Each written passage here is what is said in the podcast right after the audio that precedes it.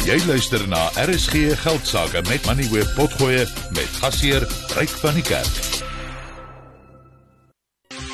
Vir die belangrikste sake nuus skakel in op RSG Geldsaake.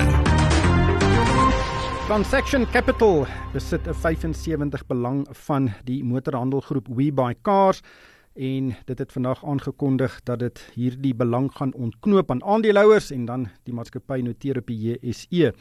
Nou Transaction Capital is in die finansiële moeilikheid want een van sy groot ander bates is sy taxi en dis 'n besigheid wat minibus taksies finansier is uh, diep in die moeilikheid. Dit het in sy vorige boekjare verlies van 3,8 miljard rand gelei en so laat verlede jaar het die direksie van Transaction Capital gesê hulle kan dalk vir WeBuyCars noteer om geld te kry en dan uh hooplik die maatskappy te herkapitaliseer.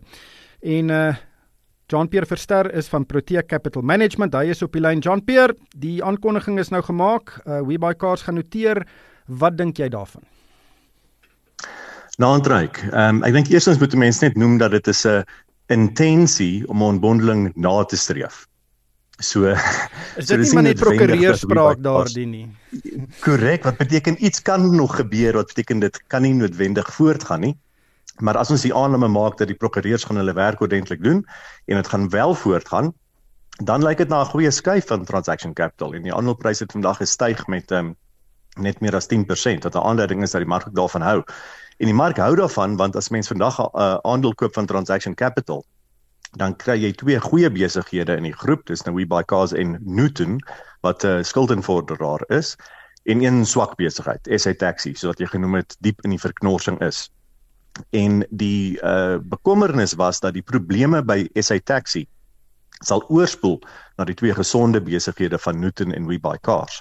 So as hierdie ontbondeling voortgaan, beteken dit aandeelhouers kan dan self direk 'n aandeelhouer word in WeBuyCars en dan wat oorbly in transaction capital is die moeilikheid in SA taxi wat die wat transaction capital sê eintlik baie geïsoleerd is. Daai probleme kan nie buite SA taxi Newton beïnvloed nie en dan Newton as die tweede besigheid. So nog baie water moet onder die brug vloei. Die prokureurs moet nog baie kontrakte opstel, maar dit is hoe dit lyk en ek dink dit is 'n positiewe transaksie as dit voortgaan vir huidige transaction capital aandeelhouers.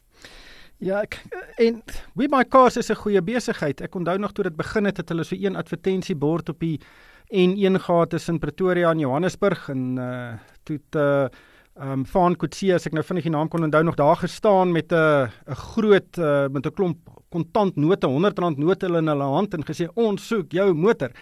En uh, kyk waar is hierdie besigheid vandag. Dit het uh, uh reuse uh, voetspoor reg oor die land. Korrek. So dit is die van der Walt broers, Van en Dirk van der Walt wat die besigheid begin het en uitsonderlike entrepreneurs baie goed gedoen het en WeBuyCars het laas jaar uh nagenoeg op net meer as 600 miljoen rand se netto wins gemaak waarvan Transaction Capital dan 75% besit en die twee broers nog steeds 25%. So uh WeBuyCars het ook baie geld spandeer die afgelope 2 jaar of so om baie uit te brei. Hulle het al hoe meer van hierdie groot uh um fasiliteite opgestel waar mense hulle karre kan neem of selfs um handelaars in in tweedehandse karre die karre kan neem en dan gaan dit op 'n Fendusi en dan word dit verkoop. Hulle het ook natuurlik The Dome gekoop wat bekend is in die noorde van Johannesburg as 'n as 'n groot uh um installeerding, 'n uh, groot gebou en al daai kapitaal wat nou gespandeer is, ryk beteken dat so so lank die prys van tweedehandse voertuie relatief sterk bly relatief tot splinternuwe voertuie lyk die vooruitsigte van WeBuyCars baie goed en kan hulle in die komende jaar potensieel meer as 700 miljoen rand se netto wins maak. En as dit die geval is, dan beteken dit daai 75% wat 'n mens gaan kry as jy vandag 'n transaction capital aandeel koop en hulle ontbondel wel die WeBuyCars aandele kan soveel werd wees as ehm um, 6 miljard rand in totaal.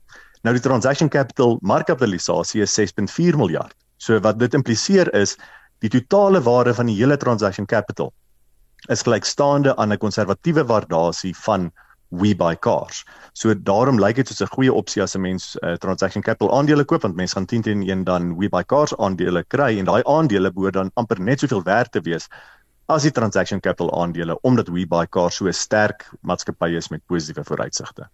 Ja, ek kyk hier op 'n lys uh die Uh, Astral Foods se markwaarde is uh, is ook 6,6 miljard rand. Ehm um, Storage ook 6.6 miljard. So dit is 'n uh, dis 'n taamlike wesenlike besigheid. Maar uh, ek is ook nou jammer ek het gesê van Kotse natuurlik is dit van van der Walt. Ek het nou die aand met hom gesels hier op hierdie program. Maar ehm um, John Pierre, die ontknoping van sulke goeie bates is nog is iets wat ons gesien het die afgelope tyd. Ons het dit gesien by PSG um, en ook van die ander beleggingsbeheermaatskappye. Ehm um, werk dit? Is dit 'n goeie ding vir aandeelhouers dat so iets gebeur?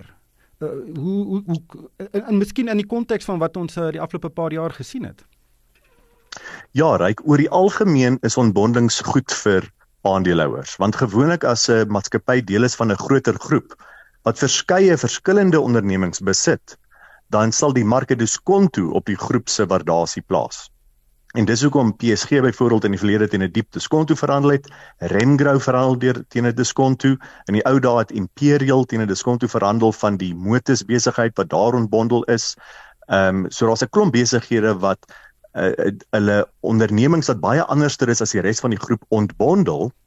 En dan as die totale waarde van die uh, oorspronklike maatskappy plus die ontbondelde maatskappy gewoonlik meer werd as die oorspronklike groep. So dit is 'n positiewe tendens wat ons sien in die afgelope jaar soos dat maatskappye dit moeiliker vind om hulle winste te groei deur markandeel te wen en pryse op te stoot. Moes hulle aan ander maniere dink. En onbondeling is een van die maniere hoe hulle waarde ontsluit het. So hoe meer onbondeling se mens sien, hoe meer positief is dit gewoonlik vir aandeelhouers. Jean-Pierre, dankie vir jou tyd vanaand. Dit was Jean-Pierre Verster.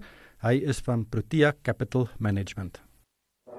Jy het geluister na RSG Geldsaake met Money where potgoe elke weeksdag om 7 na middag. Vir meer Money where potgoe, besoek moneyweb.co.za of laai die toepassing af en volg Moneyweb News om dagliks op hoogte te bly.